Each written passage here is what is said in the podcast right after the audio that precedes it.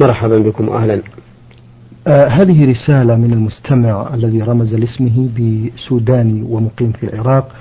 يقول في رسالته هل يجوز للرجل مفارقة آه الزوجة أكثر من سنتين علما بأنه في غربة يطلب الرزق؟ وما هي المدة الشرعية في نظركم الذي ينبغي للزوج الرجوع فيها؟ وماذا يجب عليه في هذه الحالة؟ أفيدونا مأجورين. الحمد لله رب العالمين وأصلي وأسلم على نبينا محمد وعلى آله وأصحابه أجمعين. الجواب الواجب على الزوج أن يعاشر زوجته بالمعروف لأمر الله تعالى بذلك في قوله وعاشروهن بالمعروف وحق العشرة حق واجب لكل زوج على زوجه واجب على الزوج لزوجته وعلى الزوجة لزوجها.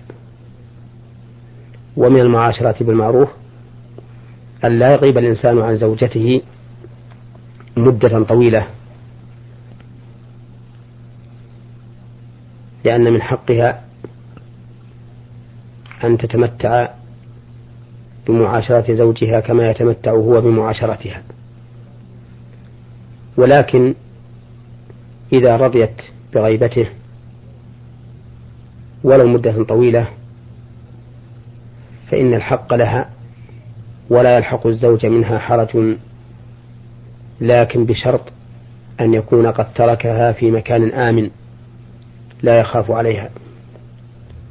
فإذا غاب الإنسان لطلب الرزق وزوجته راضية بذلك فلا حرج عليه وإن غاب مدة سنتين أو أكثر. وأما إذا طالبت بحقها في حضوره فإن الأمر يرجع في ذلك إلى المحاكم الشرعية وما تقرره في هذا فإنه يعمل به. نعم. بارك الله فيكم. هذه رسالة من المستمع هاء ألف موظف في قطر عربي يقول في رسالته أحيانا أقوم بالصلاة في المنزل لأن بيتي لأن بيني وبين المسجد حوالي كيلو أو أكثر. ولكنني أسمع الأذان بالمكبر. ما حكم صلاتي بمفردي؟ وفي منزلي أفيدون بذلك مأجورين الجواب يجب على الرجل أن يقيم الصلاة جماعة في المساجد مع المسلمين لأن صلاة الجماعة واجبة على الأعيان. على القول الراجح من أقوال أهل العلم. وأدلة ذلك من كتاب الله وسنة رسول الله صلى الله عليه وسلم وحال الصحابة رضي الله عنهم. أما في كتاب الله فإن الله تعالى يقول وأقيموا الصلاة وآتوا الزكاة واركعوا مع الراكعين. ويقول تعالى وإذا كنت فيهم فأقمت لهم الصلاة فلتقم طائفة منهم معك وليأخذوا أسلحتهم فإذا سجدوا فليكونوا من ورائكم ولتأتي طائفة أخرى لم يصلوا فليصلوا معك وليأخذوا حذرهم وأسلحتهم. ووجه الدلالة من هذه الآية أن الله تعالى أوجب الصلاة مع النبي صلى الله عليه وسلم جماعة في حال الخوف فإيجابها في حال الأمن من باب أولى. والدليل على أنها فرض على الأعيان أن الله عز وجل أوجبها على الطائفة الثانية. ولو كانت فرض كفاية لاكتفي بصلاة الجماعة من الطائفة الأولى. وأما من السنة فالأحاديث في ذلك كثيرة منها حديث أبي هريرة رضي الله عنه أن النبي صلى الله عليه وسلم قال لقد هممت أن آمر بالصلاة فتقام ثم آمر رجلا فيؤم الناس ثم انطلق معي برجال معهم حزب من حطب إلى قوم لا يشهدون الصلاة فأحرق عليهم بيوتهم بالنار. وأما حال الصحابة رضي الله عنهم فقد قال ابن مسعود رضي الله عنه لقد رأيتنا وما يتخلف عنها إلا منافق معلوم النفاق ولقد كان الرجل يتابه يهادى بين الرجلين حتى يقام في الصف وقد أجمع المسلمون على أن الصلاة جماعة في المساجد من أفضل العبادات وأجل الطاعات. ومن تركها فقد وقع في إثم وفاته الأجر العظيم الذي بينه النبي صلى الله عليه وسلم في قوله صلاة المرء في جماعة أفضل من صلاة الفرد بسبعين وعشرين درجة. والسائل الذي سأل يقول إن بين بينه وبين المسجد مسافة كيلو وأنه يسمع الأذان بمكبر الصوت. فإذا كان لا يشق عليه الحضور حضور الجماعة في المسجد فإنه يجب عليه أن يحضر. والناس يختلفون في ذلك فإذا كان شابا جلدا فإن الظاهر أن أن ذلك لا يشق عليه. وإن كان ضعيفا أو شيخا كبيرا فقد يشق عليه ذلك. وعلى كل فإن الإنسان إذا علم أن صلاة الجماعة واجبة في المسجد فليعلم أن الواجب لا يسقط إلا عند العجز عنه أو المشقة الكبيرة بفعله. يسأل أيضا في رسالته ويقول أريد أن أعرف منكم آه، ثلث الليل الأخير أي وقت بالساعة؟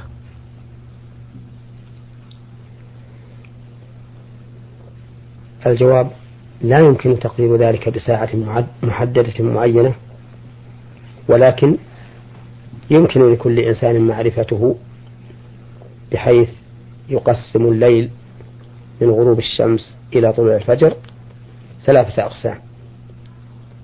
فإذا مضى القسمان الأولان وهما ثلث الليل فإن القسم الثالث هو الثلث الأخير. وقد ثبت في الصحيحين من حديث أبي هريرة أن الله عز وجل ينزل كل ليلة إلى سماء الدنيا حين يبقى ثلث الليل الآخر فيقول من يدعوني فأستجيب له من يسألني فأعطيه من يستغفرني فأغفر له. فينبغي للإنسان المؤمن أن يغتنم ولو جزءا يسيرا من هذا الوقت لعله يدرك هذا هذا هذا الفضل العظيم. لعله يدرك نفحة من نفحات المولى جل وعلا. فيستجيب الله له ما دعا به. نسأل الله التوفيق للجميع. اللهم آمين.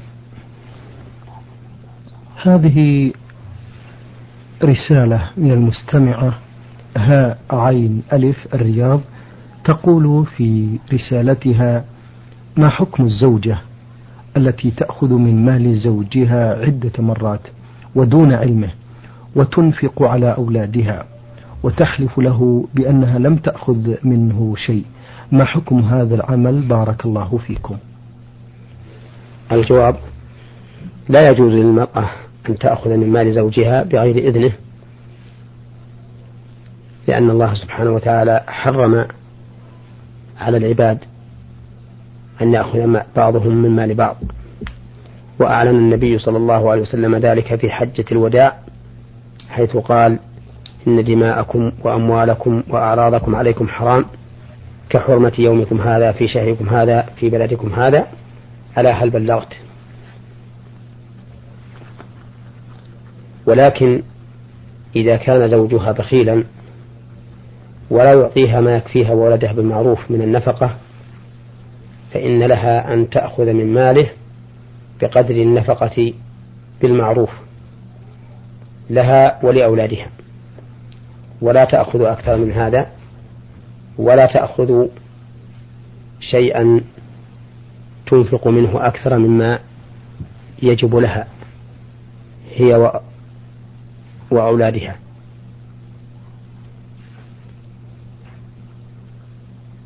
لحديث هند بنت عتبة أنها جاءت إلى النبي صلى الله عليه وسلم فسكت زوجها وقالت إنه رجل شحيح لا يعطيني ما من النفقة ما يكفيني ويكفي بني. فقال النبي صلى الله عليه وسلم لها خذي من ماله ما يكفيك ويكفي بنيك أو قال ما يكفيك ويكفي ولدك بالمعروف. فأذن لها النبي صلى الله عليه وسلم أن تأخذ من ماله ما يكفيها ويكفي ولدها بالمعروف. سواء علم بذلك أم لم يعلم. وفي سؤال هذه المرأة تقول إنها تحلف لزوجها أنها لم تأخذ شيئا. وحلفها هذا محرم إلا أن تتأول.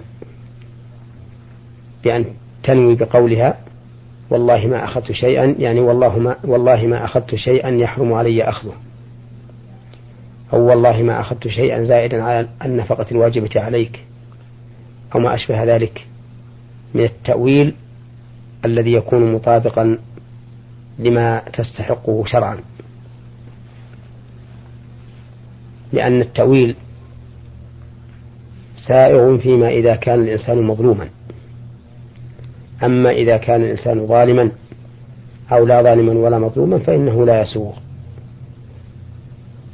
والمرأة التي يبخل عليها زوجها بما يجب لها ولأولادها هي مظلومة فيجوز لها أن تتأول. نعم. هذه رسالة وصلتنا من المستمع الذي رمز لاسمه بألف حاء الأردن. يقول في رسالته آه، هل محمد صلى الله عليه وسلم أفضل الخلق قاطبة أم أفضل البشر فقط؟ وما الدليل على ذلك؟ الجواب الذي أعلمه من ذلك أنه صلى الله عليه وسلم سيد ولد آدم كما ثبت ذلك عنه. وأما أنه أفضل الخلق على الإطلاق فلا يحضرني الآن دليل في ذلك. لكن بعض أهل العلم صرح بأنه أفضل الخلق على الإطلاق كما في قول صاحب الأرجوزة وأفضل الخلق على الإطلاق نبينا فمل عن الشقاق. والمهم أن محمدا عبد الله ورسوله أرسله الله تعالى إلى الثقلين الإنس والجن هاديا ومبشرا ونذيرا. فعلينا أن نؤمن به تصديقا بأخباره وامتثالا لأوامره واجتنابا لنواهيه. هذا هو الذي ينفع الإنسان في دينه ودنياه ومعاشه ومعاده. هذه رسالة وصلتنا من المستمع عوض عبد الوهاب. يقول في رسالته كيف يتخلص الشخص من حقوق العباد سواء كان مالا أو غير ذلك ولم يستطع الوفاء به؟ الجواب حقوق العباد إما مالية وإما بدنية. فإن كانت تتعلق ببدن الشخص فالتخلص منها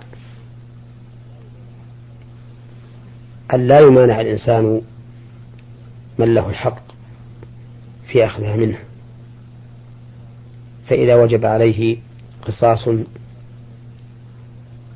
في جرح أو في عضو من الأعضاء فالتخلص من ذلك أن يمكن من له الحق.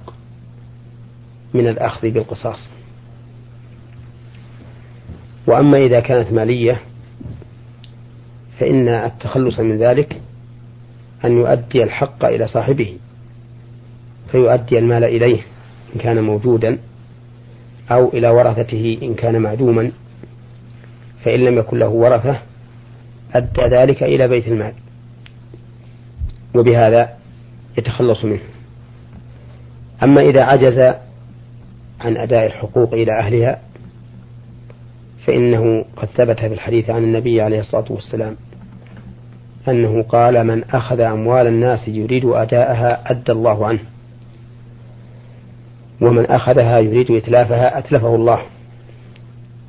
فإذا كان هذا الإنسان حريصا على الأداء سايا فيه ما أمكن ولكنه عجز وكان من نيته أن يؤدي فإن الله تعالى يؤدي عنه الحق لمن له الحق بمنه وكرمه وتبقى ذمة هذا العاجز بريء بريئة. وأما من أخذ أموال الناس لا يريد أداءها وإنما يريد إتلافها عليهم وأكلها بالباطل فإن الله تعالى يتلفه بالنقوص في أمواله وربما يتلفه أيضا بالأخذ من حسناته. كما جاء في الحديث عن النبي عليه الصلاة والسلام أنه قال من تعدون المفلس فيكم؟ قالوا من لا درهم عنده ولا متاع. قال المفلس من يأتي يوم القيامة بحسنات أمثال الجبال ثم يأتي وقد ظلم هذا وشتم هذا وضرب هذا وأخذ مال هذا فيأخذ هذا من حسناته وهذا من حسناته وهذا من حسناته فإن بقي من حسناته شيء وإلا أخذ من سيئاتهم فطرح عليه ثم طرح في النار.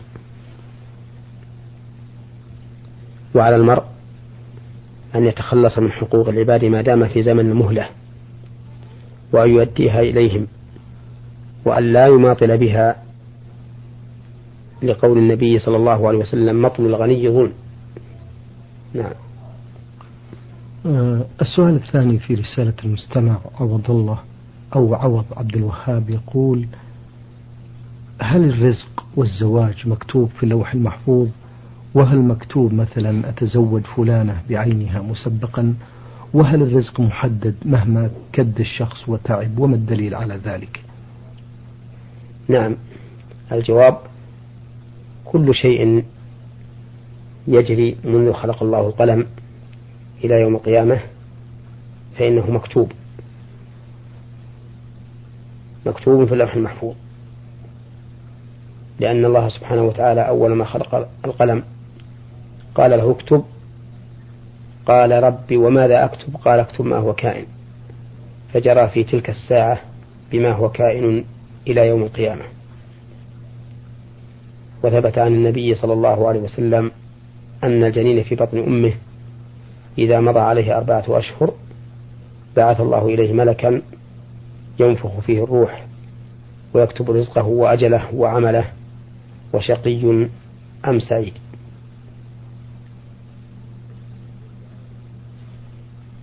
والرزق أيضا مكتوب. لا يزيد ولا ينقص. ولكن الله سبحانه وتعالى قد جعل له أسبابا يزيد بها فيها أو يزيد بها وينقص.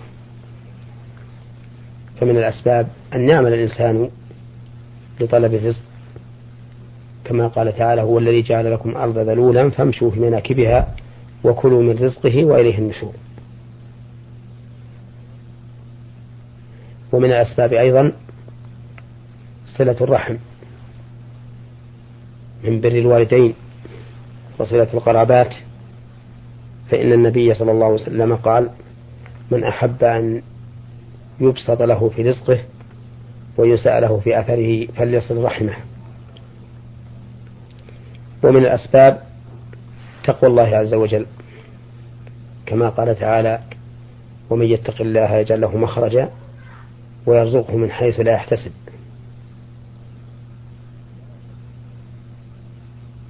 ولا تقل إن الرزق مكتوب ومحدود ولن أفعل الأسباب التي توصل إليه فإن هذا من العجز. والكياسة والحزم أن تسعى لرزقك ولما ينفعك في دينك ودنياك. قال النبي عليه الصلاة والسلام الكيس من دان نفسه وعمل لما بعد الموت والعاجز من أتبع نفسه هواها وتمنى على الله الأمان. نعم. بارك الله فيكم. هذه رسالة من المستمع رمز لاسمه بصاد ألف باء يقول في رسالته لي ابنة خالة وأصغر مني بأربع سنوات. أريد الزواج منها. وقد علمت أن والدتي قد أرضعتها لمرض أصاب والدتها وأريد بذلك إجابة في صحة زواجي منها أفيدون مشكورين. الجواب يصح نكاحك منها أو بعبارة أخرى يصح أن تتزوجها إذا كان هذا الرضاع لم يستكمل الشروط. وشروط الرضاع المحرم أن يكون خمس رضاعات فأكثر في زمن الإرضاع. أي في الحولين قبل الفطام. ودليل ذلك ما رواه مسلم في صحيحه عن عائشة رضي الله عنها قالت كانت قالت كان فيما أنزل من القرآن عشر رضعات يحرم ثم نسخن بخمس معلومات يحرم. وقوله صلى الله عليه وسلم إنما الرضاعة من من المجاعة. وفي الحديث لا رضاع إلا ما أنشد العظم وكان قبل الفطام فإذا كانت هذه البنت بنت خالتك قد رضعت من أمك قبل أن تفطم خمس رضعات فأكثر فهي أخت لك فلا يحل لك أن تتزوج بها وأما إذا كانت رضعت قد رضعت أقل من خمس أو كانت قد رضعت بعد الحولين والفطام فإنها لا تكون أختا لك ويجوز لك أن تتزوج بها. نعم. هذه رسالة من عثمان محمد علي سوداني. يقول في رسالته آه، عثرت على بعض الكتب المسيحية. فهل يصح إحراقها أم آه، يجب علي أن أدفعها إلى المسيحيين لأنها تخصهم؟ الجواب كأن السائل يريد أنه وجد نسخا من الإنجيل. وأشكل عليه هل يحرقها أو يدفعها للنصارى الذين يدعون أنهم متبعون لعيسى بن مريم عليه الصلاة والسلام والذي أرى أنه يجب عليه إحراقها وأنه لا يحل له أن يعطيها النصارى. نعم. بارك الله فيكم. آه، أيضا آه، في رسالته الثانية يقول هل شراء اللحم من الجزار الذي لا يصلي ولا يصوم ويتعاطى بعض المحرمات يجوز أم لا؟ أفيدونا بذلك مشكورين. الجواب إذا كان الجزار الذي لا يصوم ولا يصلي هو الذي ذبح الذبيحة فإنه لا يحل لك أن تشتري منه شيئا. وذلك لأن الذي لا يصلي كافر مرتد مرتد عن الإسلام. لا تحل ذبيحته. إذ أن من شرط حل الذبيحة أن يكون المذكي مسلما أو كتابيا. والكتابي هو اليهودي والنصر أو النصراني. وأما المرتد والعياذ بالله فإنها لا تحل ذبيحته. والذي لا يصلي مرتد كافر خارج عن الإسلام كما دل على ذلك كتاب الله وسنة رسوله صلى الله عليه وسلم. وأقوال الصحابة رضي الله عنهم والنظر الصحيح. وقد بينا ذلك في عدة حلقات سابقة ونرجو أن يكون لدى المستمع ونرجو أن يكون لدى المستمع وقت يتمكن من طلبها والسماع إليها. نعم. هذه رسالة من محمد المصري يعمل بالمملكة.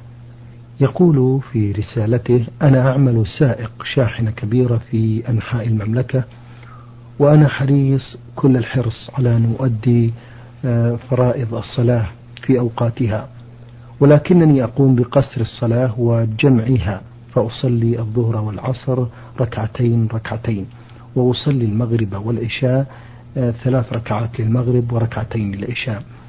ما صحة عملي هذا؟ بارك الله فيكم. الجواب عملك هذا صحيح. ما دمت مسافرا حتى وإن كنت تتردد وتجوب البلاد طولا وعرضا. وقد نص على ذلك أهل العلم رحمهم الله. فقالوا إن صاحب السيارة صاحب السيارة الأجرة الذي يكون دائما يؤجرها إذا فارق وطنه فهو مسافر. حتى يرجع إلى وطنه. وإنما اختلف أهل العلم فيما إذا نوى هذا المسافر الإقامة في مكان ما أكثر من أربعة أيام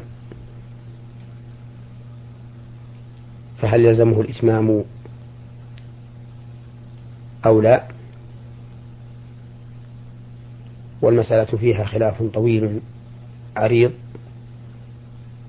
والراجح من أقوال أهل العلم أنه لا تحديد للمدة التي ينوي المسافر إقامتها ما دام بنيته أنه متى انتهى عمله أو شغله رجع إلى وطنه.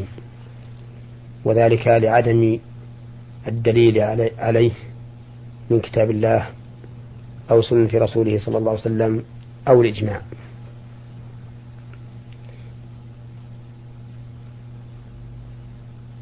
نعم. بارك الله فيكم. هذه رسالة وصلتنا من المستمع خليفة جاسم الجمهورية العربية السورية عين العرب. يقول في رسالته هل يجوز للمسلم أن ينفق وصيته قبل مماته؟ وهل يجوز نقل زكاة المال من بلد إلى بلد ثاني في نفس البلاد؟ أفيدون مشكورين. الجواب إذا نفذ الإنسان ثلث ماله في حياته فإن ذلك لا يعد وصية بل هو تبرع. والإنسان ما دام حيا صحيحا فله أن يتبرع بما شاء من ماله ولا حجر عليه. إذا لم يتعلق بماله حق لأحد من الناس كما لو كان مدينا وكان تبرعه يضر بالغرماء وما أشبه ذلك. والمهم أن ما ينفذه الإنسان في حياته لا يعد وصية بل هو تبرع نفذه. لكن إذا كان هذا التنفيذ في مرض موته المخوف وما ألحق به فإنه يعتبر من الثلث فأقل لغير وارثه لأن العطية في هذه الحال حكمها حكم الوصية في أنه لا يجوز أن يتبرع بزائد على الثلث ولا لأحد من الورثة بشيء. وأما نقل الزكاة من بلد إلى آخر فإن الصحيح جوازه. لا سيما إذا كان في ذلك مصلحة كما لو نقلها من بلد إلى بلد أهله أحوج أو نقلها من بلد إلى بلد لأن له فيها أقارب مستحقين للزكاة فإنه جائز ولا بأس به. نعم. شكر الله لكم يا فضيلة الشيخ وعظم الله مثوبتكم. ajuste